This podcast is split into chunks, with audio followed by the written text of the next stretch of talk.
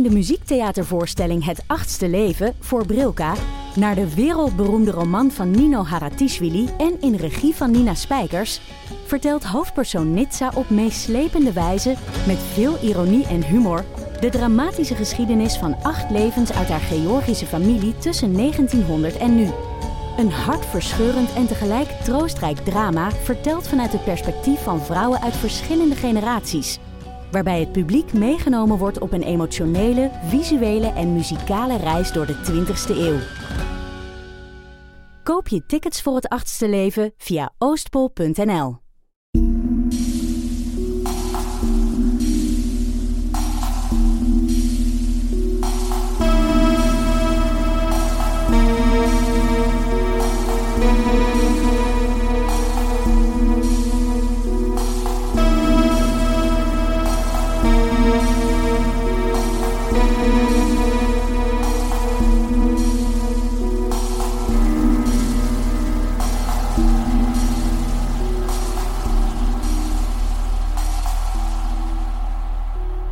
Welkom bij aflevering 119 van de Volksjury. Wij zijn toch terug, Laura en Silke. Ja, Lady Gaga en Beyoncé hebben ons gecontacteerd en die zeiden meiden dat gaan we niet meer doen. Nee, als wij een podcast doen, dan doen we het zelf wel. Mhm, mhm. Step away from this scene. Dus we luisteren naar de Queens. Absoluut. Ça va? ja, wij zijn alle twee een beetje moe, maar zo happy moe. Ja, ja, ja. Want we hebben, een, eh, een heel fijn weekend we gehad. hebben de liefde gevierd, Oh, als het ware. Het leukste. Gefeliciteerd, Jonathan en Vrij, met jullie huwelijk. Ja, Het was een hele mooie dag, een heel leuk feest. Er is goed gedanst. goed gegeten, Alles erop en eraan. alles erop en eraan. Ja, was tof, hè? Ja, was leuk. Het was denk ik de eerste keer dat we samen op Ja. een trouwfeest waren. Ja, ja, ja, ja. En zo toch naast elkaar gaan zitten. We kunnen gewoon niet meer zonder elkaar. Ik denk dat wij echt gewoon zo een soort van Siamese tweeling bijna zijn geworden. ja, misschien kunnen we gewoon best voor operatie gaan. Die pinkjes aan elkaar Ups, naaien. De pinkjes. Ja, wat zou jij Ja, kiezen? ik weet het niet. Ik denk dat dat nog wel de beste optie is om Want- de bewegingsvrijheid te garanderen. En dat stappen, als uw benen aan elkaar zitten, dat moet wel, dat moet echt zo in tempo En zijn. ik ben al iemand die makkelijk valt. Oh, maar ik ook. Dus dat is dan al geen probleem. Het Of zou- we vallen dubbel zoveel. ja, ik denk dat is, maar dat zou, voor anderen zou dat hilarisch zijn. Dus ik denk, als wij zo continu vallen. Nee, pinkjes. Ja, Goed. Leuk, Ja. leuk. Ehm, ja, verder, we zeiden het tegen elkaar ook op het trouwfeest. Onze vriendengroep is op één week tijd ehm, enorm veranderd. Want er is ook eh, in onze gang een eh, baby geboren, baby Nina. Welkom, Nina. Welkom. Wij zijn eh, Laura en Silke. Wij gaan de Crazy Ounce zijn. Ja, dan. met veel plezier. En eh, we hebben baby Nina aan de ene kant, maar eh, een goede vriendin van mij uit Nederland, Jana, is ook bevallen eh, van een babytje, Ella. Dus ook welkom aan Ella. Girls rule the world. Maar echt Ah. waar. Het zijn alleen maar meisjes tegenwoordig Ja. in mijn om- omgeving. Ja. Prima. Ik zag dat in het Koningshuis prins Adamo is papa geworden van Alix, ook een meisje. Oké, oké. Ja, kijk. Stel je voor dat er vanaf nu alleen nog maar vrouwen Ik was het net worden. aan het denken. Would be amazing. Goed, dus dat, Dat was, gezegd ons, dat was ons weekend. Eh, dat is onze nieuwe vriendengroep. Dan hebben jullie, voor de mensen die een schemaatje aan het bij zijn, Ja. bijhouden zijn, kunnen jullie misschien zo'n stamboompje tekenen. Ah, heel goed. Ja, voilà, dan zijn jullie helemaal ehm, mee. Mee. En dan eh, zijn we ons weekend op een heel leuke manier geëindigd, denk ik. En ik hoop jullie ook allemaal. Jullie zullen het wel op onze socials hebben eh, zien passeren. Want in samenwerking met VRT Max kijken wij met ons argusoog naar De 12. Dat is een nieuwe fictiereeks eh, op zondagavond op VRT1. Ehm, hij is ook te bekijken op, ehm, op de streamingsdienst van VRT, dat is eh, VRT Max. Dus daar verschijnen de afleveringen ook wekelijks. Het gaat over, ja, de, de naam geeft het al weg. Het ding, het ding was, de naam van de volksjury was al genomen. Dus dat konden ze niet doen. Ze moesten voor iets anders gaan, dus ze kozen voor de 12. Het gaat over Ook een goed. ook goed, het gaat over een assisezaak. Er is al eens een seizoen van geweest waar dat er dus redelijke twijfel staat, bestaat over de dader, wie de moordenaar is van de feiten. En dat is deze keer eh, niet anders. Op de beklaagde bank zitten Anton en zijn dochter Julie. We hebben ons slachtoffer, Marianne. En er wordt dus eh, onderzocht in die assisezaal of dat uh, Marianne zou van de trap zijn gevallen. Dat is toch de verklaring die Julie uh, meegeeft. Anton zou niet betrokken zijn, maar daar uh, stelt het Openbaar Ministerie zich vragen bij. En het is wel echt spannend vanaf seconde één of zo. Ik zat daar wel echt onmiddellijk in. Ja, los van het feit dat wij waarschijnlijk het core doelpubliek zijn, um, is de opbouw wel echt nice. Want onmiddellijk, je zit in die assisezaal en je hebt onmiddellijk zoiets van, hm, ik weet het niet. Uh, we zijn dus één aflevering verder. Uh, jullie hebben, uh, ja, dus ook mensen die nog willen kijken, spoilers vanaf Nu. nu. Um, in uw eerste aflevering leert je uw, uw, uw hoofdverdachte kennen. We zien die in de assisezaal die zitten ook... Allee, dat is logisch, die zitten apart, maar het is ook direct duidelijk dat ze niet meer met elkaar communiceren. Er is, dat was wat ons... Allee, dat viel ons op. Er wordt geen oogcontact gemaakt. En dat zijn vader Heel en dochter. eng. En dat is zo pijnlijk Mhm, gewoon. Je mhm. voelt die pijn. Dat, dat komt al echt binnen gewoon. mhm, dus ik vind dat heel goed in beeld gebracht. Hoe, hoe moeilijk die relatie op dat moment is. Ja, En dat je dan ook te weten komt dat het daarvoor niet zo moeilijk was. Mhm, mhm. Dus Ja, dus we gaan met recaps zijn eigenlijk terug naar, naar voor de feiten, het moment van de feiten, net na de feiten. Ehm, we leren ook eh, een paar juryleden eh, kennen. Ehm, ja, ik denk dat het heel duidelijk is. Nico, eh, de journalist in de jury, zijn wij. dat zijn wij. Wij zijn Nico. Dat is één, één persoon. Mm. Ehm, Ehm, en er zijn er toch, toch al een paar ehm, juryleden die eruit springen, zoals Vanessa. Vanessa, Vanessa we love you. foto. Heel goed. Uit de koekjesfabriek. Ja, dat vind ik goed. Als die, dat die, de gelaagdheid van die, van die juryleden. Vind- komt er al meteen in naar voren ook. Ja. Eh, we hebben Katrien met de koffie. Mhm, mhm. Ik zou ook Katrien zijn. Jij zou inderdaad met tien ter thermossen op dag één aankomen, Ja. voor de zekerheid. Ja, je weet maar nooit dat die koffie niet werkt of niet lekker is. En je ziet, voilà, het is het vandaag. is vandaag. Het is Ja. gebeurd. Het is gebeurd. Ehm, wat zijn mijn conclusies na aflevering 1? Ehm, hij is al kort in beeld geweest.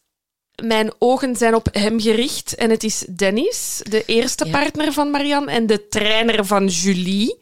Heel veel vragen bij dat personage. Ja, bij mij ook van zodra hij in de rechtbank in beeld komt, hè, als Anton aan het woord is, hè, dat hij met zijn vinger naar hem wijst, da- dacht ik, ja, hij heeft daar iets mee te maken. En dat vermoeden werd alleen maar bevestigd met de laatste scène, als ze spaghetti zitten te eten. En Dennis zegt, hij moet de gevangenis in. Dan, ah, Het gaat over moeten en niet over hij hoort daar, want hij heeft dit gedaan. Het is duidelijk dat, of die indruk heb ik toch, dat Dennis niet zeker is of Anton de dader is, maar, maar wel toch... het einddoel is hij moet in de gevangenis. En is dat om zichzelf vrij te pleiten? Of is dat omdat hij bo... Allee, ik bedoel, er kunnen verschillende argumenten zijn, maar hoe dat het voor mij nu in beeld is gebracht, of waar dat ik nu op zit, is dat Dennis er wel concreet iets mee te maken zou kunnen hebben Absoluut, met zijn broer. Die ja. dan ook wat zus deed over die verklaring die hij moest gaan afleggen. Absoluut. En eh, ja, dat vermoeden is eigenlijk afgelopen week alleen nog maar versterkt. Want, Ja. eh, dus we hebben, deze, we hebben een samenwerking eh, met VRT Max, want wij, gaan, dus wij kijken de afleveringen samen, eh, samen met enkele eh, bekende vrienden van ons. Ehm, en jullie kunnen dus onze live eh, reacties op de aflevering eigenlijk op VRT Max eh, de dagen na de aflevering ehm, online is verschenen, ehm, bekijken. Dus dan kunnen jullie zien hoe dat wij live speculeren eh, eigenlijk, samen met wat mensen. En dus wij deelden dat nieuws eh, op onze Instagram-pagina met een eh, foto van ons twee en van, kijk, we gaan, We gaan dit doen. We gaan dit doen. En iemand van de cast heeft daarop gereageerd Mm. met zo de, met zo de Edward Munch Emoji. emoji schreeuw. Enkel dat. Enkel dat, geen verdere uitleg. En dat was Wouter Hendricks en die speelt Dennis. Wij meteen, vriend, Eyes on you. wij hebben u in de gaten. Dit gaat niet onopgemerkt voorbij. Nee, dus ehm, en ik weet, eh, jullie, we hebben het met de mol ook al gezegd en het gaat nu waarschijnlijk weer gebeuren. Tunnelvisie is real, ongetwijfeld. Ongetwijfeld. Dus ik wil nog niet te veel uitspraken doen na de eerste aflevering, maar Dus de voorlopige conclusie. ja, Maar, maar ik vind het ook wel, ehm, om even terug een zijsprong te maken. Ik wist bijvoorbeeld niet ehm, dat dat mensen die daar in de verdachtebank Mhm. zitten, mogen liegen over wat ze al dan niet gedaan hebben. Ja. Dus dat vind ik ook nog wel een interessante om in het achterhoofd te houden van laten we dit ook niet vergeten. Nee, eigenlijk uw getuigen, hè, dat hebben we geleerd van Nico, Nico. onze journaliste. Love you, Nico. Vibe. Ehm, ik geloof dat je... eh, dus we mogen onze getuigen wel geloven. Die zouden de waarheid moeten spreken. Mhm. Maar onze twee verdachten, die zouden mogen liegen. Ja, ik, ik, ik maak nu al bijna zes jaar deze podcast. en dat is de eerste keer dat ik mij die bedenking inderdaad maak van... Inderdaad, maar je- het, zou op niks slaan als jij niet zou mogen liegen, want dan kunt je jezelf inderdaad niet verdedigen. En het is aan de, de aanklager om uw schuld te bewijzen. Oké, dan is er mij nog één vraag voor u. Een laatste korte vraag. Oei, oei, ja. hè. Stel dat jij daar belandt op Assise. Kies jij advocaat Oh, Claire? Of kies jij advocaat Frank? Frank. Ja, ik... Als het zou gaan, duo. Allebei. Ja, sorry. Even... Ik voel ze alle twee enorm. Ja. Ze doen het ook heel... Ze spelen... Ik bedoel, ik denk als acteur denk ik dat de rol van advocaat in eerste instantie misschien niet zo de, de boeiendste lijkt, maar, they're zo nailing it, hè. gedaan. Ehm, maar ik vind Frank zo wat te, te nors of zo te... Het moet zo en Mhm. we gaan het zo doen. Ook al moet jij je dochter daarvoor onder de Mhm. bus gooien, we gaan dat zo doen. En ik merk bij Claire toch nog wel wat menselijkheid of zo. En ik denk dat ik meer zou viben met Claire dan met Ja. Frank. Maar je merkt wel in Frank zijn pleidooien dat, ehm, dat hij wel de jury direct mee heeft. Dus je voelt wel, hij maakt dan zo map- mopjes en, en, en hij spreekt de jury. De jury moet lachen als hij dingen zegt. Dus ik ben zo. Is het voordeliger voor u dat je Frank hebt? Snap je? Omdat hij misschien zo wat jovialer is in de rechtszaal zelf. Mhm, mhm, mhm. Ik vind het een heel moeilijke. Ik ga het even nog laten op zijn beloop gaan, Mhm. de afleveringen. En dan zien we wie dat ik uiteindelijk... Zo, de winnaar. Ja, ja, zo. Degene die het haalt. Eh, nee, Ja, je voilà. moet je bewijzen, vind ik. Ja, vind ik ook wel. Ehm, dus voilà, dit zijn onze eerste bedenkingen. Ehm, we komen hier zeker nog op terug. Ehm, als je meer hierover wilt zien, kun je het op de socials zien. Je kunt de aflevering kijken op VRT Max of elke zondag ehm, op VRT1 eh, live op eh, televisie. Ja, echt, kijk, het is goed. Ja, het is heel goed. Ehm, en dan ga ik naadloos over naar mijn tip, die ook op VRT Max staat. Ah, kijk eens aan. Namelijk eh, De Laatste Dag, de sitcom over een jonge vrouw die elke dag opnieuw probeert om haar ontslag te geven. That would be me. Dat, het is zeer... eh, los van of je ontslag wilt geven of niet, zijn er zeer veel situaties die zeer herkenbaar zijn op de werkvloer. Oh, het zal wel zijn. Voilà, dus dat is een warme aanrader. Dat seizoen ehm, staat helemaal online, dus kun je gewoon in één keer eh bingen. Prima. Ehm, ik heb ook nog een tip op Prime. Ik heb Prime ontdekt de afgelopen zomer, met dat er toch best wel goede dingen op staan. Waaronder Nine Perfect Stranger. En sorry, ik ga dat opnieuw zeggen. Nine Perfect Strangers. Ehm, en dat vertelt eigenlijk het verhaal van een groep mensen die een wellness treatment boeken voor zo'n weekje weg. Weg van alle That stress. be me. En ze komen daar aan en die wellness die heeft zowel een bepaalde reputatie. Iedereen wil geholpen worden door het hoofd van, van de wellness.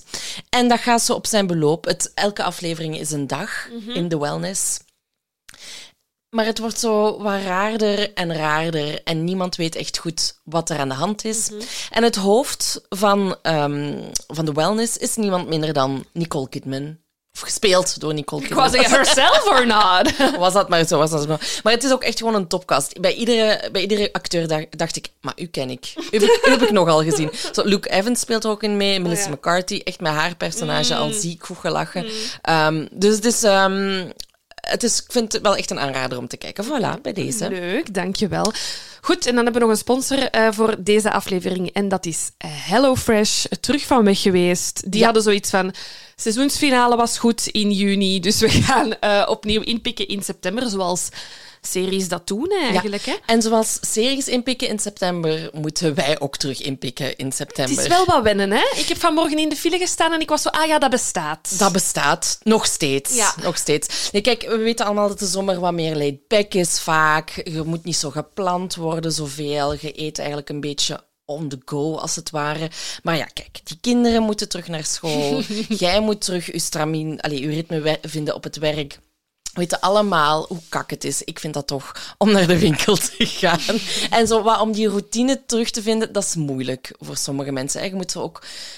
Ik, ik, ik ben een van die mensen, ik ga het nogmaals benadrukken. Je moet ook zo bedenken van wat ga ik eten. Zo dat alleen al, die Je hebt, je inspiratie. hebt ineens weer een concrete week van vijf dagen. Dat je, allee, een week is zeven dagen, Ja. maar zeker die vijf werkdagen moet je ineens weer opvullen. Ja, ik merk dat hier ook bij, bij Aniek. Aniek geeft s'avonds les. Mhm. Ja, ik moet dan weer ervoor zorgen, want ik ga over het eten in huis. Ik moet ervoor zorgen van, oké, ik moet zien dat dat kind gegeten heeft voordat hij Mhm. naar werk gaat. Dus bon, veel, veel plannen, veel nadenken. Komt er ook nog eens bij dat wat je dan op tafel zet ook niet altijd gesmaakt wordt door iedereen. Dat is niet per se uit ervaring. Laat ik dat benadrukken. Dus er is zo, het komt veel stress bij kijken terug in die routine te komen. Dus daarom raden wij toch weer HelloFresh aan. Want kijk, de maaltijden staan gewoon voor je neus. Je kunt gewoon kiezen wat dat je lekker vindt. Je laat die box komen wanneer dat je goesting erin hebt. En voilà, er valt al een serieuze stressfactor weg, vind ik. Ja, absoluut. En als jij zoiets hebt van HelloFresh, I wanna try, we hebben een kortingscode, dat is HelloJury85. En met die code bespaar je tot wel 85 euro op je eerste vier boxen. Deze code is geldig voor oude en nieuwe HelloFreshers als je meer dan één jaar geleden je lidmaatschap hebt opgezegd. Alright. Ik heb de aflevering eh, gekozen, of het onderwerp van deze aflevering. En voor mij is dat dus- altijd wat moeilijk. Dan zeg jij, dat gaan we doen. En dan is het toch altijd een kleine ehm, steek in mijn hart als ik niet, de zaak niet ken. Ah, dat snap ik. Ja, en dat ja, was ja, nu het geval. En je voelt je zo precies gefaald op een test? Ik snap het, ja. Ik heb dat ook inderdaad. Als jij naar mij komt van, oh, ik ga dat doen. En dan moet ik echt zo... Ik stel u bijna teleur, heb ik dan de indruk. Mm, van, oh, ik ken het niet. Je gaat mij nu moeten zeggen. Inlichten. Ja, ja, ja. En dan zo super trots zijn als je dan toch een element herkent. Oh ja, ja, ja, ik weet het weer. Ik weet, Ik weet het wel, ik weet het wel. Maar bon, helaas... Bij dit verhaal was dat eh, niet Nee, het geval nee. voor Laura. Eh, maar ik ben eigenlijk op deze zaak ook maar heel toevallig gekomen. Ik kende hem ook niet. Ik wou gewoon mijn lijstje een beetje aanvullen van zaken. En zo ben ik op deze gestumbled. Het is wel eentje, jongens, met twist en turns. Ze heeft goed gekozen. Dank u. We zullen eraan beginnen. Hè. Het is eh, 2008 en we zijn in de Amerikaanse sta- stad, stad Raleigh. Ik weet niet of ik dat juist uitspreek. Zoiets. Zo, rally, zou Raleigh zeggen, ja. in eh, North Carolina. En daar woont de 21-jarige Latrice Curtis met haar echtgenoot Darren Lee Curtis. En die twee die zijn bijna een jaar getrouwd. En eh, vrienden zeggen dat ze eigenlijk al na enkele maanden het ja-woord hadden gegeven aan elkaar. Dus dikke liefde. Ja, zeker van hun stuk. Ja. En haps, ja. Hupsakee, het ja wordt gegeven. En eh, het gaat zelfs zo goed dat ze daarover nadenken om eigenlijk ook ja, een gezinnetje te beginnen. Hè. Ook hier, baby's hè, staan op de planning. Eh, Latrice ondertussen eigenlijk was nog een student aan de North Carolina Central University en studeerde daarvoor boekhouder. Kijk, ik heb het al Ja. gezegd. Een goede boekhouder. Shout-out naar ons boekhoudteam. We love you. Zonder jullie zouden wij nu in de gevangenis zitten. Kijk, dus ze zijn nodig. ze zijn zeer, zeer, zeer nodig. Nu, en om dan geld te verdienen, werkte ze ondertussen als kassierster in een lokale winkel. Ja. Nu, Oh. nee, doe maar. Oh ja, ik dacht ik pik... Nee, nee. Nee, pik maar in. Ja? Oké. Ehm, we zijn januari 2008. En het is een dinsdagavond. En... ehm, of wou jij nog iets anders zeggen? Nee. Oké. Nee, nee, nee, nee. En Ja, ik, wat ik misschien wel wil zeggen, is dat het, is dat, dat het enige is wat we weten over, Over Latrice. Latrice, ja, klopt, inderdaad. Ehm, ja, ik heb ergens nog gevonden, she always had a smile on her face. Ehm, maar ja. dat, dat is dan zo wat elke true crime podcast zegt over een persoon. Dus we zijn een, een, een, een rustige dinsdagavond in januari van 2008. En ehm, Latrice heeft ehm, les gehad die dag eh, eh, aan de University Central of North Carolina. Ehm, daar eh, verlaat ze de schoolgebouwen en ze stapt in haar wagen en rond tien uur belt ze vanuit haar... Ja, sorry, tien uur s'avonds. Um, belt ze vanuit haar wagen naar haar echtgenote Darren. en zegt, kijk, ik ben op weg naar huis, maar ik ga onderweg wel nog even stoppen. Snacktimes. Um, ik weet niet of ze voor hem Maltesers meepakt. Dat is wat Lucas zou doen. Um, maar ze zegt van, ik ga nog even stoppen onderweg en dan um, rij ik door naar huis. Dus tot zometeen. En Darren wacht en wacht en gaat slapen en wordt wakker in een bed met naast hem niemand. dus woensdagochtend heeft hij zoiets van hier is, iets goed, mm. hier is iets goed fout, want mijn vrouw is niet thuisgekomen en dat ging ze wel doen. Dus die ochtend, woensdagochtend, belt hij naar de hulpdiensten. En vertelt hij um, ja, dat hij aangifte wil doen van verdwijning van Latrice. Zijn, uh, hij zegt tegen de hulpdienst van kijk, mijn vrouw is niet thuisgekomen uh, die nacht. Ze, is de laatste, allez, ze heeft mij verteld dat ze vertrokken is op de universiteit. Dat is het laatste wat ik weet. Ja, nu wat Darren op dat moment nog niet weet als hij belt naar de hulpdiensten, is dat ja, er een paar motorrijders zijn geweest, een uur eerder, hè, een uur voordat hij dat telefoontje naar de hulpdienst heeft geplaatst, die aan het rijden waren op de I-540. Mm -hmm. um, en die hebben daar... goed, hè? ik had al de I-540 gezegd. dat is ook goed, de I-540, de, e de E13. um, dus die, die, die, die passeren daar en... Uh, een van hen zegt van kijk, ik denk dat daar iets ligt op de baan aan de, mhm. aan de zijkant. Um, en er staat ook een auto naast, beseft die mens. Hij zegt van ja, ik ga, ik ga kijken wat daar aan de hand is. En uh, ondertussen belt hij ook de politie.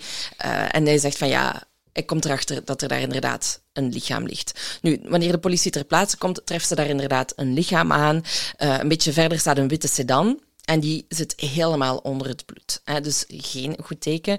Um, wat dat ze meteen eigenlijk kunnen vaststellen, is dat die aanval op de, op, op de persoon eigenlijk plaatsgevonden heeft in die witte auto. Nu, um, Darren ondertussen, die heeft de hulpdiensten gebeld. Die zegt, ja, ik ga hier niet gewoon thuis blijven zitten. En die gaat op zoek naar zijn vrouw. Nu, hij passeert ook die I-540 mhm. en die ziet daar opeens haar auto staan. Mhm. Dus hij zegt van ja, oké, ik, ga, ik ga praten met de politie die daar nu staat. En hij geeft eigenlijk een foto van haar af. En hij zegt van kijk, dit is mijn vrouw, dit is haar wagen. Um, alsjeblieft zeg mij niet dat dit mijn vrouw is die hier ligt. Onder het witte doek. Imagine dat jij op zoek zit naar je vrouw. Deze is echt, dit is echt uw ergste nachtmerrie, want je, je, uw vrouw is weg. Je doet aangifte je gaat op zoek en letterlijk, ja, na tien minuten rijden, mm. komt je een plek tegen dat direct je ergste nachtmerrie invult. Want je ziet politielinten, je ziet die in auto staan. Uh, echt, dat die ook nog... Ik zou denk ik in mijn auto blijven zitten en bellen naar de politie en zeggen... Ik, ik, maar dat hij de moed heeft gevonden... Om het te gaan pols, allee, te gaan polsen van wat is hier aan de hand. Zou het, alleen ook zo de reflex hebben. Maar ik denk ook vooral omdat de, de auto, haar auto daar stond, dat hij zoiets had van ja, negen kansen op tien dat, dat, dat zij het is. Nu, uiteindelijk wordt het lichaam ook geïdentificeerd aan de hand dus van die wagen al vrij snel. En het blijkt inderdaad inderdaad van Latrice te zijn. Mhm. Nu, haar vader, Sherman Jones, die is eigenlijk ook die ochtend al de hele tijd aan het proberen om in contact te komen met, met zijn dochter en met Darren. Want die had het nieuws ook aangezet hè, om negen uur, hè, wat dat toen mhm. mensen vaak de radio of de televisie aanzetten. En hij had inderdaad gezien dat er een lichaam was gevonden. Ja, die man weet natuurlijk dat, dat Latrice en Darren daar in de buurt ook wonen. En um, uiteindelijk moet hij ook horen van de politie dat het inderdaad Latrice is die gevonden wordt. Um, en dat Darren dus eigenlijk haar had uh, ja, opgegeven als vermist. Um, nu, de eerste vaststellingen. Ja, al snel wordt duidelijk, de, de sheriff komt naar buiten en hij zegt, kijk, we weten niet wat er gebeurd is, hoe dat het gebeurd is en wie dat erbij betrokken is. Wat we wel gaan doen, is we gaan dit behandelen als een moordzaak, want daar hebben we wel voldoende elementen voor om die conclusie um, nu al uh, te trekken. We kunnen niet vertellen hoe dat ze is doodgegaan, maar de tekenen uh, zijn er. Uh, in dat eerste interview geven ze mee van, kijk, de, er zijn steekwonden gevonden bij die vrouw. En de politie doet een oproep en zeggen van, kijk, is er iemand anyone die daar gepasseerd is aan de I-540 van dinsdagavond tot woensdagochtend, bel ons. Laat het ons weten. Heb je iets anders gezien buiten die witte auto dat daar al stond, de auto van Latrice? Laat het ons weten. Ja, nu natuurlijk, de eerste verdachte in dit verhaal is Darren.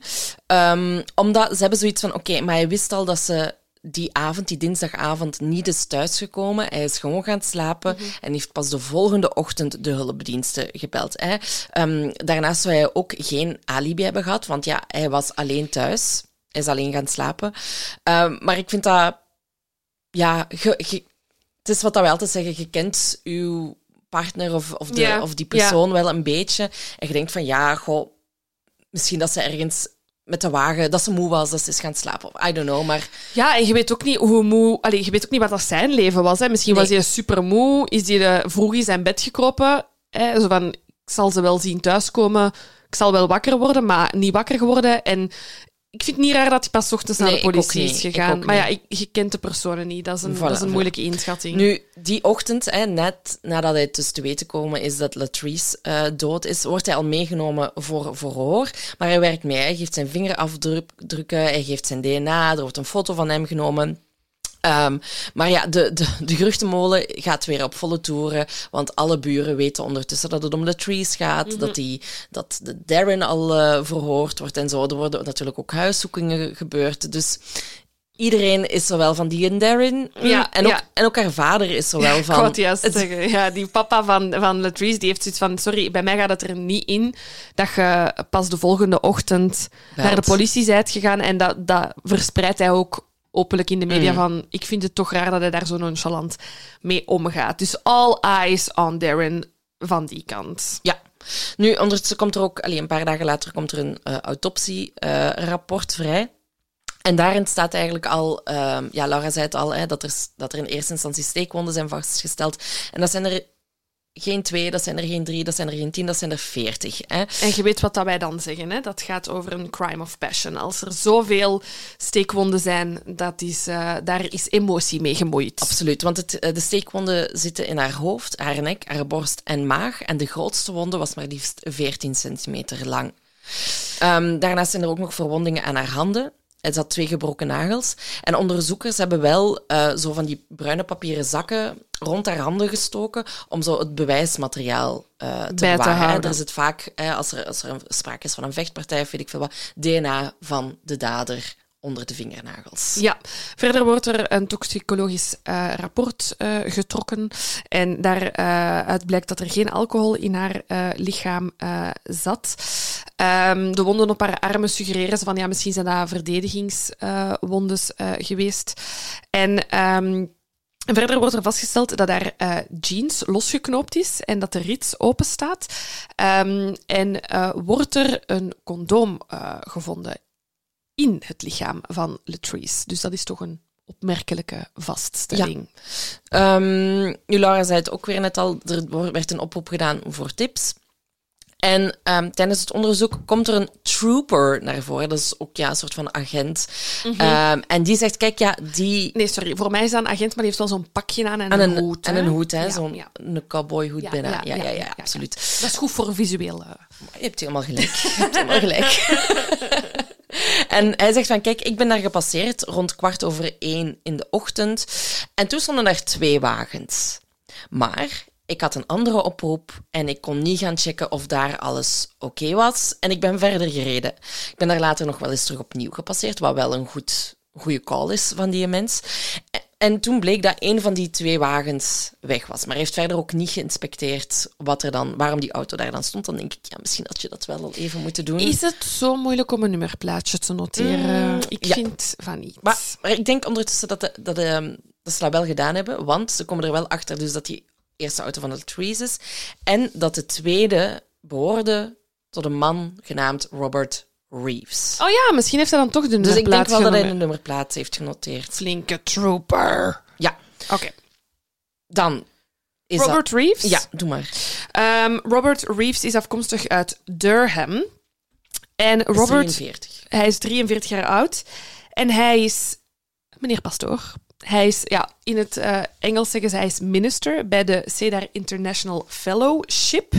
Hij had daar een bijnaam, de bisschop. En hij vond dat ook heel belangrijk dat mensen wisten dat dat zijn bijnaam was. Ik vermoed dat dat een hogere rang is in de katholieke orde.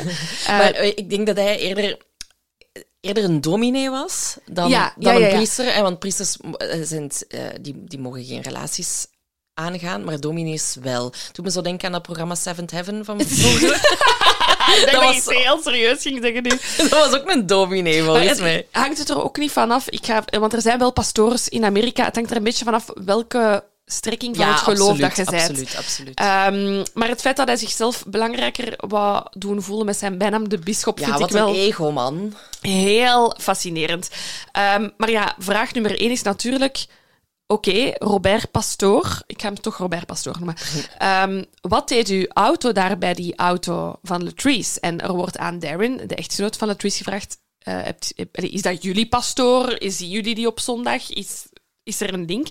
Maar Darren heeft geen idee wie Robert is. Nee, Ehm, Robert wordt wel ja, meegenomen voor verhoor, uiteraard. Ook hij geeft zijn vingerafdrukken, zijn DNA. Er wordt ook een foto van hem gemaakt.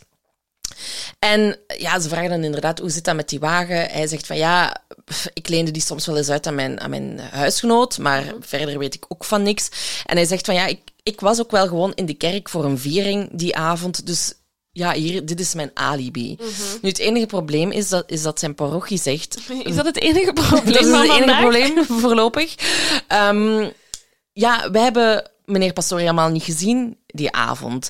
Eh, Dus Robert past zijn verklaring aan. Hij zegt, ja, ik- bon, ik was de hele avond thuis. Ja, dat is ook geen solide alibi, Robert. En je weet, een, een verklaring aanpassen is niet super. Nee.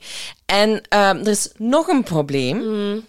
Ehm, hij heeft dus zijn DNA afgegeven en dat wordt aangetroffen op het stuur van de wagen van Latrice. En volgens experts wijst dat erop dat hij het stuur heeft aangeraakt. Mhm. Dus voor de politie, boekske dicht, Robert wordt aangeklaagd eh, voor de moord op Latrice. Maar bon, Laura zei het. Dat is al de derde keer dat ik dat zeg. Er, er- I love it. I kind of like it. Dan kun je elke zin beginnen met zoals Laura al zei. Zoals Laura al zei. Ehm, niemand weet wie Robert is. Er is geen link onmiddellijk aan die man. Eh, en ook bij die parochie, parochie hebben ze zoiets van... Wij kennen Latrice en Darren niet. Nee, en ook waarom wordt onze dominee aangeklaagd? Want dat is zo'n goede mens. Er is iemand die zelfs zegt... He's an awesome man of God. Hij zou hier niet toe tot in staat zijn. Sorry, is dit mijn nieuwe Instagram-bio? Awesome Girl of God? Misschien wel. Vibe. Vibe. Vibe. Ehm, nu, Robert ehm, wordt inderdaad aangeklaagd voor de moord op Latrice en ehm, wordt uitgebreid ondervraagd. En hij kan ehm, gelukkig zelf zeggen wat de link is Ja. tussen hem en Latrice. Hij zegt, ehm, ik ken eh, Latrice zelf niet, maar ik heb wel, er is wel één persoon tussen mij en Latrice. En dat is mijn huisgenoot, Steven Randolph. Steven eh, is enkele jaren geleden bij mij komen wonen. Hij studeert eh, ook op de Universiteit van North Carolina. Ehm, en Latrice kwam hier af en toe wel over de vloer. Maar wie is Steven? Steven is ehm, een jonge man. En hij wordt eh, twee dagen na de moord van Latrice dan binnengebracht ehm, ter ondervraging bij de eh, politie. Hij is een basketbalspeler op... ik wou het heel op zijn Engels zeggen, maar ik ga het niet doen. Jawel. NCCU. Oh, knap. Ah, wat goed gedaan van mij. De NCCU. Ja, eh, en aan hem wordt dus gevraagd van... Bon, dus jij zag die Latrice af en toe. Zijn jullie klasgenoten? Wat is jullie eh, link? Ehm, en Steven bekent onmiddellijk... I'm a ladies man. En Latrice en ik, wij hebben een relatie. Bon, je zit dan... Ja... Je zit al een jaar getrouwd. Je gaat aan kindjes beginnen. En dan Ja. komt er een knappe basketbalspeler op je pad. Ja, kijk, je bent jong. Je bent jong. Ik denk, ja... Kijk, ja mm, Nee, ik, ga daar niet over, goed. ik ga Nee. daar niet over oordelen. Het is- niet. Nee, het is gebeurd. Ja, ja, ja. Ehm, maar Latrice had blijkbaar tegen hem gezegd van... Kijk, ik ben inderdaad getrouwd, maar verder had ze daar niet veel informatie over gegeven. En Steven geeft aan van... Kijk, ja, Latrice was inderdaad de nacht voordat ze stierf bij mij. Hè. Ze had tegen Darren gezegd van... Ik ga nog een kleine tussenstop maken en dan kom ik eraan. De kleine tussenstop Die was snack Steven. mochten we letterlijk nemen. Nu, ehm, en dit vind ik een, een, een apart detail in het verhaal. Dus ze hebben inderdaad seks gehad die avond. En het condoom is komen vast te zitten. Ehm, en Latrice is daarop vertrokken, zo verklaart Steven. Ehm, en Steven zegt dan ook, ja, Latrice is dan vertrokken en ik ben dan, dan, dan naar mijn andere girlfriend gegaan. Echte ladies man. He's a ladies man. Nu, Steven, daar, blij- allee, daar blijft zijn verklaring niet bij, want hij zegt ook van, kijk, ehm, ik heb wel wat rare telefoontjes ontvangen en eh, mijn andere vriendin heeft ook rare telefoontjes ontvangen. Eh, We weten niet concreet wat die rare Kan dat, telefoontjes er, waren. kan dat er misschien iets... Maar het is goed dat hij het aangeeft. Ja, ja, ja, inderdaad. Misschien heeft het er iets mee te maken. En ook, zegt hij, een maand voordat Latrice gestorven is, zijn zijn eh, autobanden kapotgesneden. Dus daarom moest hij af en toe de auto van Robert nemen. Nu, ehm, en dat, ja, de, politie gaat daar ook mee aan de slag, uiteraard. En ze komen erachter dat Robert een tweede telefoonnummer had, eh, of een tweede telefoontoestel alleszins. En ehm, dat, telefo dat telefoonnummer stemde overeen met het nummer dat die rare telefoontjes pleegde naar Steven en die andere vriendin.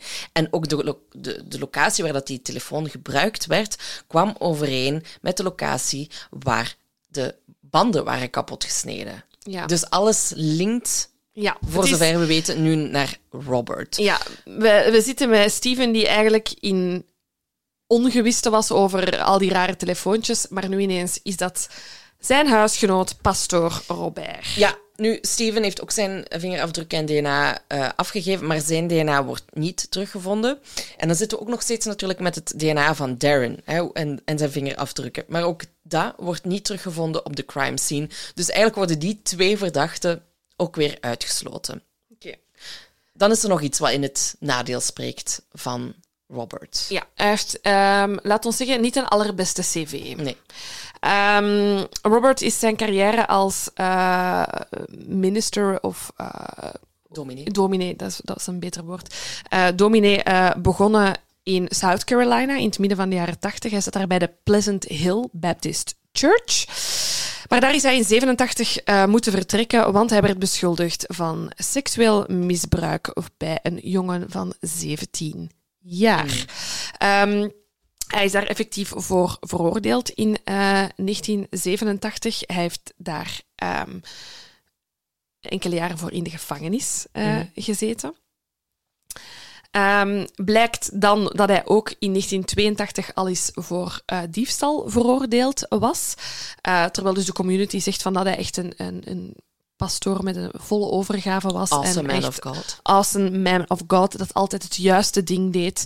Ehm, en hij werd dus eigenlijk doorgestuurd naar een eh, nieuwe geloofsgemeenschap. En daar zeiden ze van, kijk, weet je, we moeten voorbij eh, de misdrijven van het verleden kunnen kijken. We gaan je hier een eh, nieuwe kans geven. Dat is in New York City. Dus daar, dat ook, hè, zot, hè, je pleegt misdrijven in South Carolina. En om je te straffen, sturen ze naar New York City. begrijpen wie begrijpen kan. Ehm, maar ook daar wordt hij opnieuw aangeklaagd ehm, met eh, klachten van seksueel eh, misbruik bij een minderjarige eh, jongen. Hij wordt opnieuw veroordeeld in januari 2002. Ja, en dan ja, start hij nog ergens een nieuwe kerk op eh, in Brooklyn, om dan uiteindelijk in Durham te eindigen. Nu, Ja. ehm, Het is wel zo, sorry, ik wil even zeggen, dat is wel zo klassiek katholieke kerk. We verplaatsen het probleem naar ergens anders, maar daar mag het verder doen wat het, met wat het bezig was. gewoon het, binnen het christendom, als het ware, Ja, denk ik ja, dat dat een klein, nee, niet klein, groot probleem is. Mhm. Ehm, dus hij bleef wel actief, de kerk, absurd. Ehm, nu, we zitten nog steeds met de vraag van, oké, als Robert dit gedaan heeft, waarom? We hebben alleen die link dat hij Steven kende. Er, er- er- er komt echt heel lang niks naar buiten over waarom dat hij dat gedaan zou hebben. Eh, Robert houdt ook nog steeds zijn onschuld vol, laten we dat niet vergeten. Tot er een hoorzitting plaatsvindt over zijn borg. Ehm, dan komen de aanklagers eigenlijk ehm, eindelijk met een motief. En zij zeggen: Kijk, Robert had eigenlijk een serieuze crush op Steven, op zijn huisgenoot. En Steven had dat niet. Die wou He's a ladies man. Hij is een la- ladies man en die wou gewoon in zijn huis wonen zonder gedoe, als het ware. Dus ja, Robert loopt een blauwtje op bij Steven en volgens de aanklagers ja, kon, kon Robert dan niet verkroppen. Hè? En, en werd Latrice eigenlijk een soort van obstakel voor hem om niet bij Robert te kunnen zijn. Dus ja, conclusie van die aanklagers, Latrice moest uit de weg geruimd worden. Dus Robert zou eh, Latrice na haar bezoek aan Steven gevolgd zijn. Die om een bepaalde reden gestopt zou zijn. Ehm, en dan zou Robert haar aangevallen hebben en gedood hebben. Um, voilà. Dus dat is het motief van de aanklagers. Ja, en dan is het uh, tijd voor onze uh, rechtszaak. Um, die start op, ze, uh, 26, op 29 september 2000 en 9. Um, onze Robert, de pastoor, had daar bijna alleen gezeten. Mm. Um, want net voor de uh, rechtszaak begint, heeft hij zijn uh, advocaatteam ontslagen. Classic. En uh, zegt hij van, kijk, ik sta elke week voor de kerk, kan ik dat hier ook maar wel? ik snap dat niet, dat je dat ego hebt om te zeggen van, ik kan dit wel. Ja, ik denk als je emotioneel zo in de waan leeft, dat je denkt van... Ja, of dat je misschien denkt dat je anders zelf niet gaat mogen spreken, terwijl ik denk, je gaat sowieso wel mogen spreken. Bon, dat er van alles scheelt met die mensen, dat is, du Allee, dat is, dat is duidelijk. Maar dus hij beslist, ik ga mezelf verdedigen. Um, en net voor de rechtszaak begint, uh, zegt de rechter, uh, Robert, we gaan dat niet doen. We Heel goede move van de We gaan dat niet doen. We gaan u twee advocaten geven, George Kelly en Margaret London. En die gaan u verdedigen. En jij gaat rustig op die verdachte bank blijven zitten. En je gaat u niet te veel moeien. Voilà. voilà. Dus hij krijgt toch twee advocaten in zijn strot geduwd. Voilà, dus hij moet het er maar mee doen. Um, dan zijn het de opening statements en de aanklagers die ja, die leggen alles eigenlijk op tafel wat dat we net hebben gezegd. Hè. Dus uh, ze zeggen van, kijk, hij heeft al eerder geprobeerd om jonge mannen, minderjarigen, mm -hmm. seksueel te misbruiken. Heeft dat ook gewoon gedaan. Um, en ze claimen dus van, ja, hij was, Latrice was een obstakel voor Robert. Hij heeft haar gevolgd, hij heeft haar gedood. En um, ook zeggen zij van, kijk, zijn alibi klopt niet. Hij zei dat hij naar de kerk was geweest voor een viering klopt niet, want zijn parochie kan hem daar niet plaatsen. En kijk, aan het einde van deze rechtszaak gaat de staat aan de jury, aan jullie de jury vragen om de beklaagde schuldig te verklaren voor first degree murder. En als dat zou gebeuren, als ze hem schuldig zouden bevinden, dan zou hij levenslang kunnen krijgen. Dus geen doodstraf. Ja. Nu, dat is, dat is de opening statement van de verdediging, ja, uh, van, de, van de openbare aanklager. Ja, en nu is het aan mij als uh, verdediging ja, met onze ga je tweeding. met, mij, met de twee nieuwe advocaten. En die zeggen: Bedankt, wij gaan uh, niks zeggen. We gaan niks zeggen. Gewoon ik, geen, weet, ik weet niet of dat dan een algemeen. Zo, niks aan toe te voegen. Geen commentaar. ik zou niet... Ik zou denken dan Robert zo van... Zie, ik had het wel beter alleen Maar dat gedaan. zal hij zeker hebben gezegd, denk ik, in dit geval. Nee, vind ik zeer uh, straf. Ik ben, het enige wat ik misschien denk, is dat hij letterlijk zijn daar neergezet de dag dat de rechtszaak begon. Snap je dat die rechter zit van nee, nee, jij mocht jezelf niet mm. verdedigen. Ik haal hier twee advocaten uit. Ja, maar dan zou, zou ik toch uitstel vragen, hoor. Ja, dus ik weet niet wat daar de argumentatie is. Gebeurt dat vaker, dat de verdediging zegt, wij gaan hier geen opening statement doen. Zwat, we hebben het nog niet gehad over het moordwapen. We weten nee. wel dat uh, Latrice neergestoken is geweest, mm -hmm. hè, dat dat haar doodsoorzaak is. Nu, plots, tijdens die rechtszaak, komen we te weten, tijdens een getuigenis, dat ze negen maanden na de moord in Roberts auto een mes hebben gevonden. Hmm, Negen maanden. Ja, dus um, hoe dat ik mij dat inbeeld is, um, ze hebben eerst, uh, voor, ik vermoed, die auto wel in beslag genomen, want die is gespot mm. geweest. Ik denk dat ze daar een kleine zoeking hebben gedaan um, en dat die dan in bewaring is ja. gezet. En ik, ik denk dat ze dan tegen, alleen naar aanloop van het proces nog eens door die auto zijn gegaan en dan ineens iets hebben gevonden dat ze over het hoofd hadden gezien. In ieder geval, in het initiële onderzoek, bij de eerste doorzoeking van die wagen, is er nooit een mes gevonden. En dan nu, uh, negen maanden later wel. En ze vinden ook nog een schroevendraaier. Ja. Nu, um, de, de, de getuige is iemand van, van, van de politie. En die zegt van ja, we, we kunnen het niet linken aan de moord. Zowel de schroevendraaier als het mes. Ja, ik denk dat ze daar zoveel mee bedoelen als het DNA van Latrice zit niet op de twee items. Nee, maar het mes zou wel gebruikt kunnen zijn mm -hmm. tijdens de moord, omdat um, het, ja, het, het gedeelte, het scherpe gedeelte, als het ware, Komt overeen kwam met overeen met, met, met de verwondingen. Um, en ook zelfs als je diep, allee, hard genoeg kracht zou zetten, dan zou je die snijwonden van 14 centimeter kunnen krijgen. Maar er is dus geen effectief bewijs dat die wapens zijn gebruikt. Dus eigenlijk hebben we hier niet zoveel aan. Eigenlijk weten we niet zeker of het het moordwapen is. En kunnen we het moordwapen niet linken aan Robert en niet linken aan de trees. Latrice. Ja, your thoughts, please. Ja, ik, ehm, ik, ik zou daar anders zo dadelijk nog graag op eh, willen terugkomen. Als de dus jij zegt ook geen commentaar. Geen commentaar Oké, voorlopig. dan gaan we verder. Dat is eh, helemaal oké. Je ziet dat dat mag hè, in de rechtbank. Er komt wel iemand heel bijzonder aan het woord, ook tijdens de... Tijdens de Wie wilt je, wie wilt je aan het woord? Of wil je eerst nog iets anders doen? Eh, ja, nee, ik was items aan het overlopen, dus ik wou nu over haar wagen spreken. Ah, doe maar. En zijn wagen. Ehm, dus Silke heeft daar net al gezegd dat de, dat de auto van Latrice eh, onder het eh, bloed zat. Mhm. En ze hebben eh, destijds, we weten dat, onderzoek gedaan rond die wagen en rond het- waar dat het lichaam gevonden is, waar veel minder bloed zat. Ehm, en ook in het eerste onderzoek naar de auto van Robert, die hebben ze ook onderzocht, waren ze op zoek naar bloed. Hè, want die twee auto's stonden vlakbij en we weten dat daar de crime scene was. We gaan ervan uit dat Robert haar heeft neergestoken, maar de auto van Robert was piekfijn in orde en er was geen bloed, nergens, in de wagen van Robert. Mm. Dus ook als, als hij bloed op zich zou hebben gekregen en terug naar huis zou- zou zijn gereden, dat bloed is, was niet aanwezig. Er zat geen bloed van Latrice in de wagen van Robert. Wou ik graag even meegeven. Ja, dat is, dat is oké. Dat mag, dat mag. Dan. Steven. Steven. Nu, eh, Steven wordt ook ondervraagd tijdens die rechtszaak.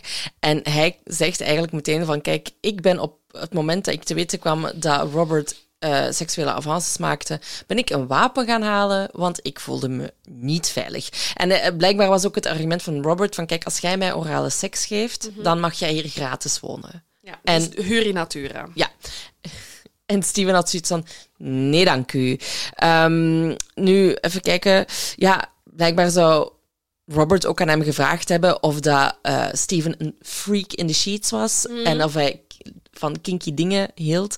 Ehm, en ja, Steven voelde zich zodanig oncomfortabel dat hij eigenlijk vermijde naar huis te gaan als Robert daar was. En ik neem hem dan niet kwalijk, want die Robert, je kunt, je kunt een crush hebben op iemand, maar je praat het uit, je loopt een blauwtje op en you move on. Maar hier was eigenlijk al meteen duidelijk dat Robert niet ophield. Ja, het is een moeilijke situatie, want we weten dat Steven ook een student is, dus dat is iemand die op dat moment financieel het waarschijnlijk niet super breed heeft. Zo, eh, zo gaat dat met studenten. Je leeft van Aiki-noodles en eh, elke euro dat je kunt uitsparen, dat doet je.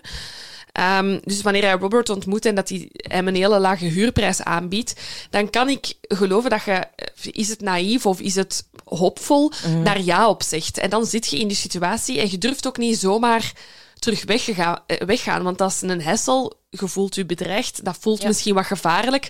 Ehm, want ongetwijfeld is dat een gedachte dat door je hoofd gaat, maar waarom is hij daar dan niet weggegaan als je je onveilig voelt? Ja, omdat zo'n dingen gecompliceerder zijn dan dat of zo. absoluut, Ehm, absoluut. Voilà, dus ik wou gewoon even Steven verdedigen.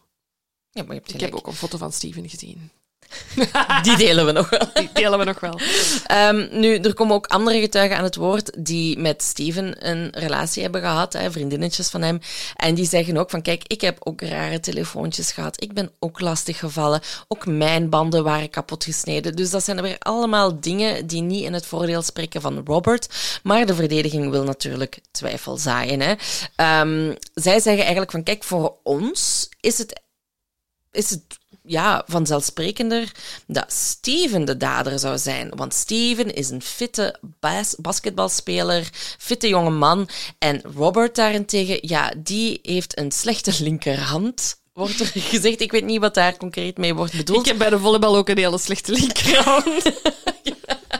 En, zij, en, en de verdediging claimt eigenlijk dat er veel kracht nodig is geweest om de trees te doden, om haar neer te houden. Er is gevochten. En zij zeggen van, kijk, Robert zou daar niet toe tot in staat zijn geweest om dat te doen.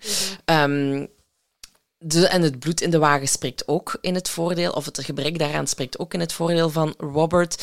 Ehm, even kijken wat ik hier nog heb. Ah ja, over het mes. Zij zeggen, kijk, ehm, Steven had wel een messencollectie. Is misschien wel een belangrijk detail. Ja, ik heb niet teruggevonden, want ik voel mij persoonlijk aangesproken, wat, wat ze Ah, nee. verstaan onder een messencollectie. Want ik heb ook een messencollectie, keukenmessen. Ja, Om, allee, snap je, is het dat of zijn het zo 100, bad boy messen. ja, 100 samurai-zwaarden aan, aan de muur? Ja, weet ik dus ook niet. Had ik graag weten. Ja. Ehm, even kijken. Ja, ik wil het graag hebben eh, over het DNA van Robert en waar dat gevonden is en vooral waar niet. Mag ik nog één dingetje over het mes zeggen? Nu Zeker, jij het bent de bezig beste altijd. Kijk, ik heb ook een messencollectie en dat is mijn hobby. Oké, go for Nee, it, girl. zij- de, de verdediging zegt eigenlijk van, kijk, het, het, het mes is negen maanden later pas gevonden. Waarom zou dat daar gewoon niet door iemand later neergelegd zijn om Robert makkelijker te kunnen beschuldigen daarvan? En de aanklagers die hebben zoiets van, dude, seriously, dit is gewoon pure speculatie, dat slaat nergens op. Wij, hij zegt maar slaat het nergens... Of, of gaan we kijk, de, de- ons oordeel op het einde? Kijk, de, de aanklager zegt van, ik kan alleen maar zeggen dat we het gevonden hebben. Mhm. Maar ik kan jullie inderdaad niet zeggen dat dit het moordwapen zou zijn. Ik kan jullie alleen de feiten voorleggen. En het is aan jullie, de jury, om daarmee te doen wat dat jullie willen. Maar dit zijn de feiten zoals, Mhm. we, zoals het is. Die, dat mes is blijkbaar gevonden. Het is een vrij grote wagen met acht plekjes om te Mhm. zitten. En het zou helemaal achteraan de wagen bij de laatste zitplekken gevonden zijn. Ik ga toch even kort mijn mening hierover Ja, geven. doe. Eh, ik vind dat geen excuus. Ik vind dat geen Nee. excuus. Eh, je zit hier met een hoofdverdachte in een moordzaak die een auto had ondersteboven moeten gekeerd zijn. Absoluut, ja, daar geef ik helemaal gelijk in. En het feit dat dat mes wordt gevonden zonder DNA van de trees op, eh, ja, dat is, dat is gewoon echt een cadeau voor de verdediging, die al niks hebben voorbereid. Dus en dan geeft die nog zo de cadeau. Ja. Ik bedoel, ik snap het wel. Ik, zou het ook, ik, ik, ik vind ook niet dat je dat kunt meenemen in je oordeel als jury als moordwapen, want je weet het niet. Er ging geen bloed aan. Nee, Het- het- eigenlijk zou dit weerhouden moeten worden. Ik vind van wel. Ik Niet wel. weerhouden moeten ja, worden. Ja. De sollicitatiemails. Heb ik nu de job of niet, of wel? Dus ze zouden het niet mogen meenemen in een, in een oordeel. Vind ik persoonlijk. Ehm, en dan gaat de verdedig- verdediging los op dat eh, DNA-bewijs. Nu mag je, Hè? nu mag je. ik, ja. DNA. Je weet dat dat mijn passie is. Ehm, dus eh, wa- waar zijn we zeker van? Er wordt DNA van Robert op het stuur gevonden van de wagen van Latrice. En de verdediging heeft zoiets van, logisch. Latrice kwam daar eh, bij Robert thuis om Steven te bezoeken. Ehm, en dat DNA is misschien op die manier meegekomen op het stuur. Ehm, DNA-onderzoekers zeggen van ja, dat is hoogst onwaarschijnlijk. De enige manier hoe dat DNA echt op een stuur kan belanden, is waarschijnlijk als Robert het stuur heeft aangeraakt. Daar is DNA van Robert gevonden. Waar is geen DNA van Robert gevonden? Dat is op het lichaam van Latrice. Hè. Ehm, we weten dat er twee van haar vingernagels zijn afgebroken. Er wordt ehm, DNA gezocht onder de vingernagels van Latrice, want ze heeft zich verdedigd. Hè. Dat door haar armbonden zijn we daar zeker van. En onder die eh, vingernagels wordt geen DNA van Robert teruggevonden. Maar wel andere DNA. Dat heb ik niet opgeschreven. Even kijken. Mm, ja. Wacht, hè. Eh, ja, ja er, er, is, er is DNA gevonden eh, onder haar vingernagels. Maar we weten niet van wie. Maar we weten niet van ah, nee, wie. nee, oké, ik dacht dat ik dat had gemist. Nee, nee, nee. Ja, ja, ja, sorry. Dat heb ik inderdaad niet goed gezegd. Eh, klopt. Dus er is DNA onder haar vingernagels gevonden, maar het is niet van Robert. Ja, dus ze zeggen inderdaad van kijk, dit, dit zegt het allemaal. Er is wel degelijk DNA gevonden. Ze heeft iemand gekrapt. Ze heeft haar nagel afgebroken. Maar het was niet Robert, zegt de verdediging. Hè. Dit moet genoeg bewijs zijn om hem vrij te spreken. Het is wetenschappelijk bewijs, klinkt het bij de verdediging. Ik snap, de, ik snap waarvoor, ze, dat ze, waarvoor ze aan het gaan zijn. Ze Ja. zijn redelijke twijfel aan het eh, zaaien.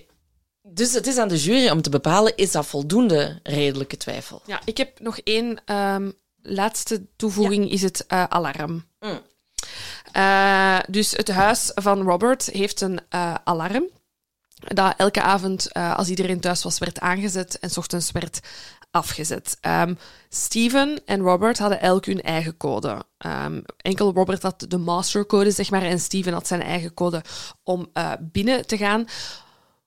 Wat kunnen ze zien in de, de cijfers of, of in de data eh, van dat alarm? Is dat dat die nacht verschillende keren aan en uit is gezet.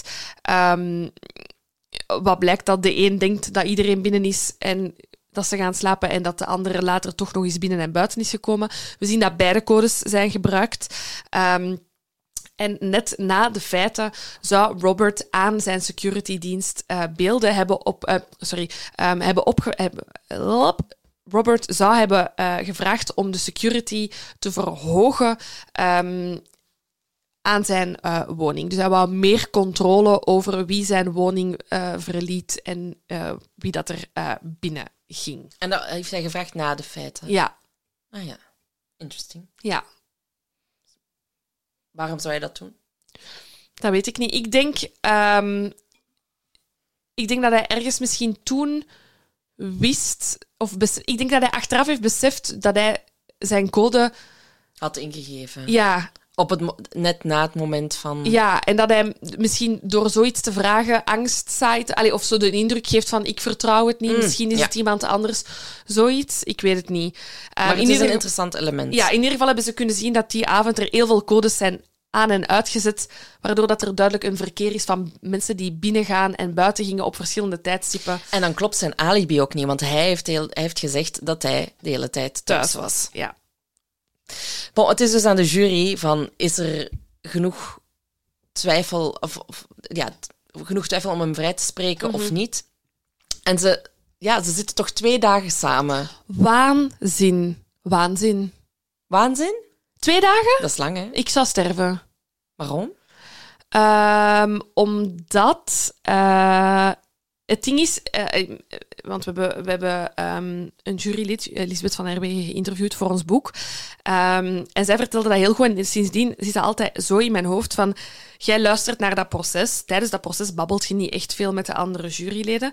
En dan kom je op dat moment van... En nu moeten we debatteren mm -hmm. en beslissen. En jij stapt naar dat debat en je hebt wel al iets in je hoofd gevormd.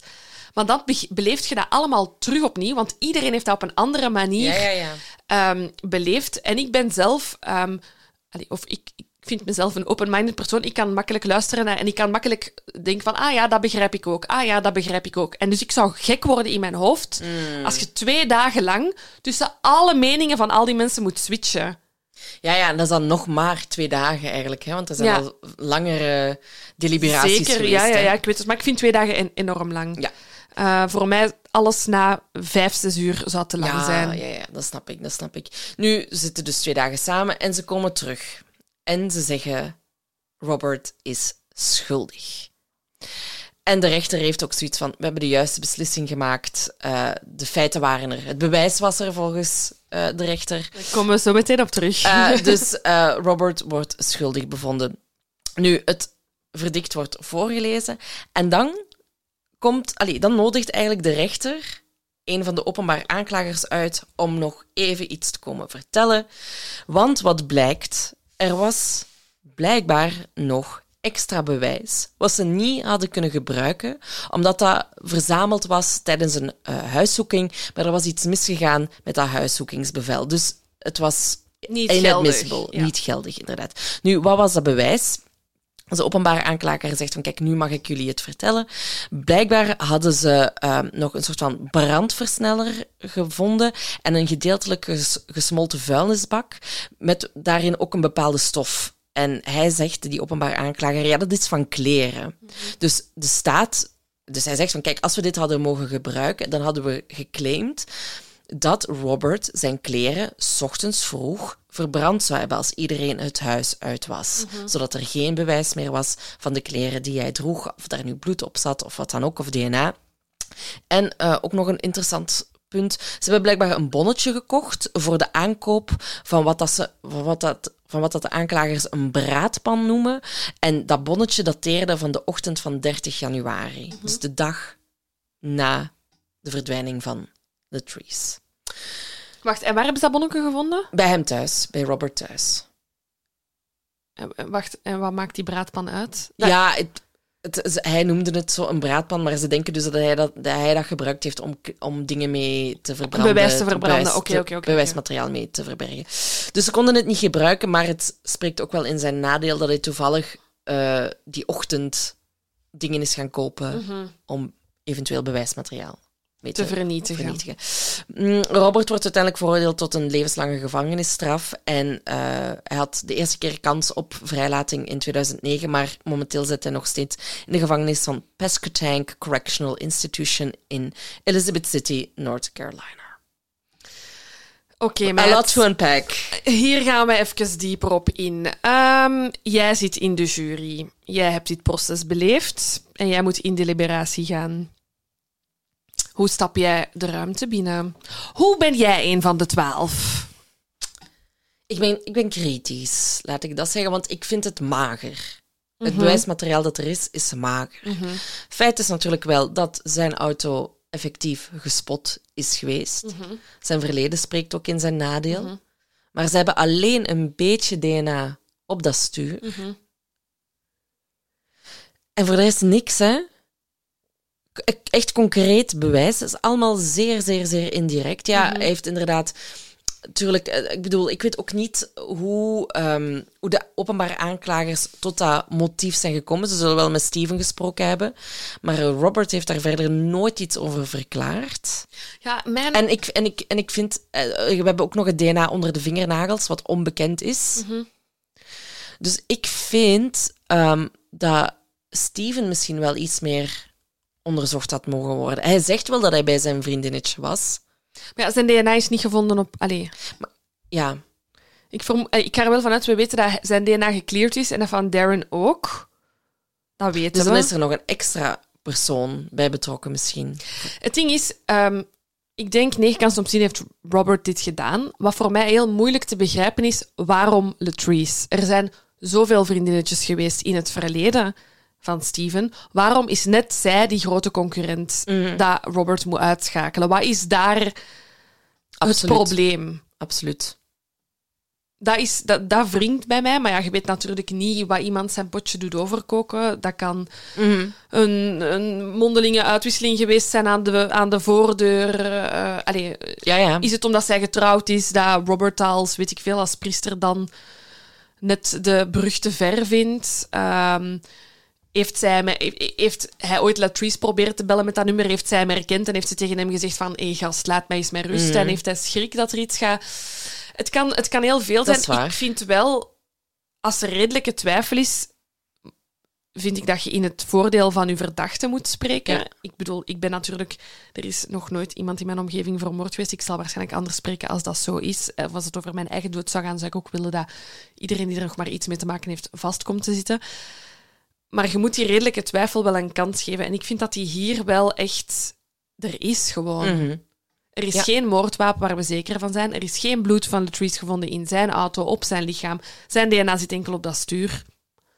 Ja, maar zijn auto was er wel. En hij claimt dat niemand anders buiten af en toe misschien Steven die gebruikte. Zijn alibi klopt totaal niet. Nee, hij heeft nee, zeer nee. hard gelogen over zijn alibi. Mhm. Ehm, dus die dingen wijzen wel natuurlijk allemaal in zijn richting. Hè. Het is gewoon de vraag hoe hij het dan effectief gedaan heeft. Ja, het is heel veel indirect bewijs. En ooit zei een hele grote strafpleiter tegen ons: als je heel veel indirect bewijs hebt, is dat voldoende. En ma- wordt dat direct bewijs? Ehm, dus ik begrijp het wel. En ik zeg het, ik denk wel dat hij het heeft gedaan hoor. Ja, ik denk na afloop, als je dan ook nog te weten kwam van die, van die brandversneller, et Ja, cetera. ja, ja. Ja. Bon, en eh, het is sowieso niet slecht dat deze persoon in de gevangenis zit. Daar doen we al zeker niks verkeerd mee. Nee, nee, nee. Inderdaad. Ehm, dus ik denk wel dat de juiste vastzit. Ja, oké. Oké. Oké. Oké, ik vind het oké. Vinden het oké, hè? Maar ja. ik vind het wel een heel bijzondere zaak. En ik vind ook wel echt, wat heeft de politie hier allemaal uitgestoken? Alleen dat hu- huiszoeking dat niet geregeld is, mes dat ineens wordt gevonden zonder dan eigenlijk echt zeker te zijn. Vrij goed onderzoek hebben ze niet gedaan. Nee, ik kan me ook echt niet inbeelden dat ze dat mes zo lang niet hebben gevonden. Allee. Ja, of zeg dan, allee, of zeg dat niet, maar in mijn hoofd is dat nu echt zo, allee, zat dat onder, allee, echt zo in de carrosserie of zo, snap je? Zat dat echt verstopt? Wat, hoe dat ik het heb gelezen, was dat het, het ter hoogte vast zat, ehm, of gevonden werd ter hoogte van de achterste zetels, in een soort van rail. Dus is, is dat dan dat je de, de, de stoelen naar voren klapt bijvoorbeeld, hè, dat je die zo kunt verplaatsen? Zat dat daar ergens verstopt, maar alsnog... Je, vindt dat toch? Dat is niet een klein mes, hè? Ja, en ook, ik heb toch ook een vraag over, over eh, voor alle moordenaars die naar ons eh, luisteren. Maar uw moordwapen, waarom houd je dat bij op een plek? Ook al. Waarom zou je dat niet meteen... In het water ergens? Ja. Allee, ik, dat is, maar dat is, misschien zie ik de logica niet, misschien... Misschien was het toch gewoon een mes dat behoorde tot de collectie van Steven. Maar ja, die Mhm. zou dat dan toch gewoon gezegd hebben van... Ah ja, my bad. eh, ik was dus een nieuw Nee, mes dat gaan zeg je kopen. niet, want je bent een van de drie verdachten. Ik weet het. En dat is, Ehm. dat is hoe jij in de gevangenis gaat belanden. Waarschijnlijk door zo'n stoeme uitspraak van mij. Nee, nee, dat is niet stoem. Ik snap het. Dat je, ik, en ergens... eh, de- Voor we aan deze podcast begonnen, ik bedoel, podcast, echt onze podcast, die we bijna zes jaar hebben trouwens, ehm, zou ik ook zo'n dingen zeggen. Of zo het idee van geen advocaat te nemen. Dat is een beetje hetzelfde principe. Jij gelooft in je onschuld, dus Ja. dan zijt je heel eerlijk, maar dat moet je eigenlijk nooit zijn. Altijd advocaat. Altijd een advocaat, altijd je moordwapen in het water gooien. Eh volg ons voor meer- Bonnetjes weggooien. Volg ons voor meer tips. Eh, Bonnetjes weggooien op boekhouding belt morgen. Zulke eh kinderen jij wel. En zo beland ik in de En gevangenis. zo beland jij in de gevangenis, omdat jij je bonnetjes weggooit en je weet dat dat niet mag. Eh, ja, bon, dat was de zaak van Latrice. Ehm opmerkelijke zaak. Veel twists en turns. Ja. Ehm, ik heb hem met heel veel plezier geresearched. Ik hoop dat jullie ervan genoten hebben. Yes, en tot de volgende keer. Tot de volgende. Bye bye. Nog even over die grootse en epische muziektheatervoorstelling. Het achtste leven voor Brilka is een marathonvoorstelling van 5 uur. Koop je tickets voor deze bijzondere theateravond via oostpol.nl.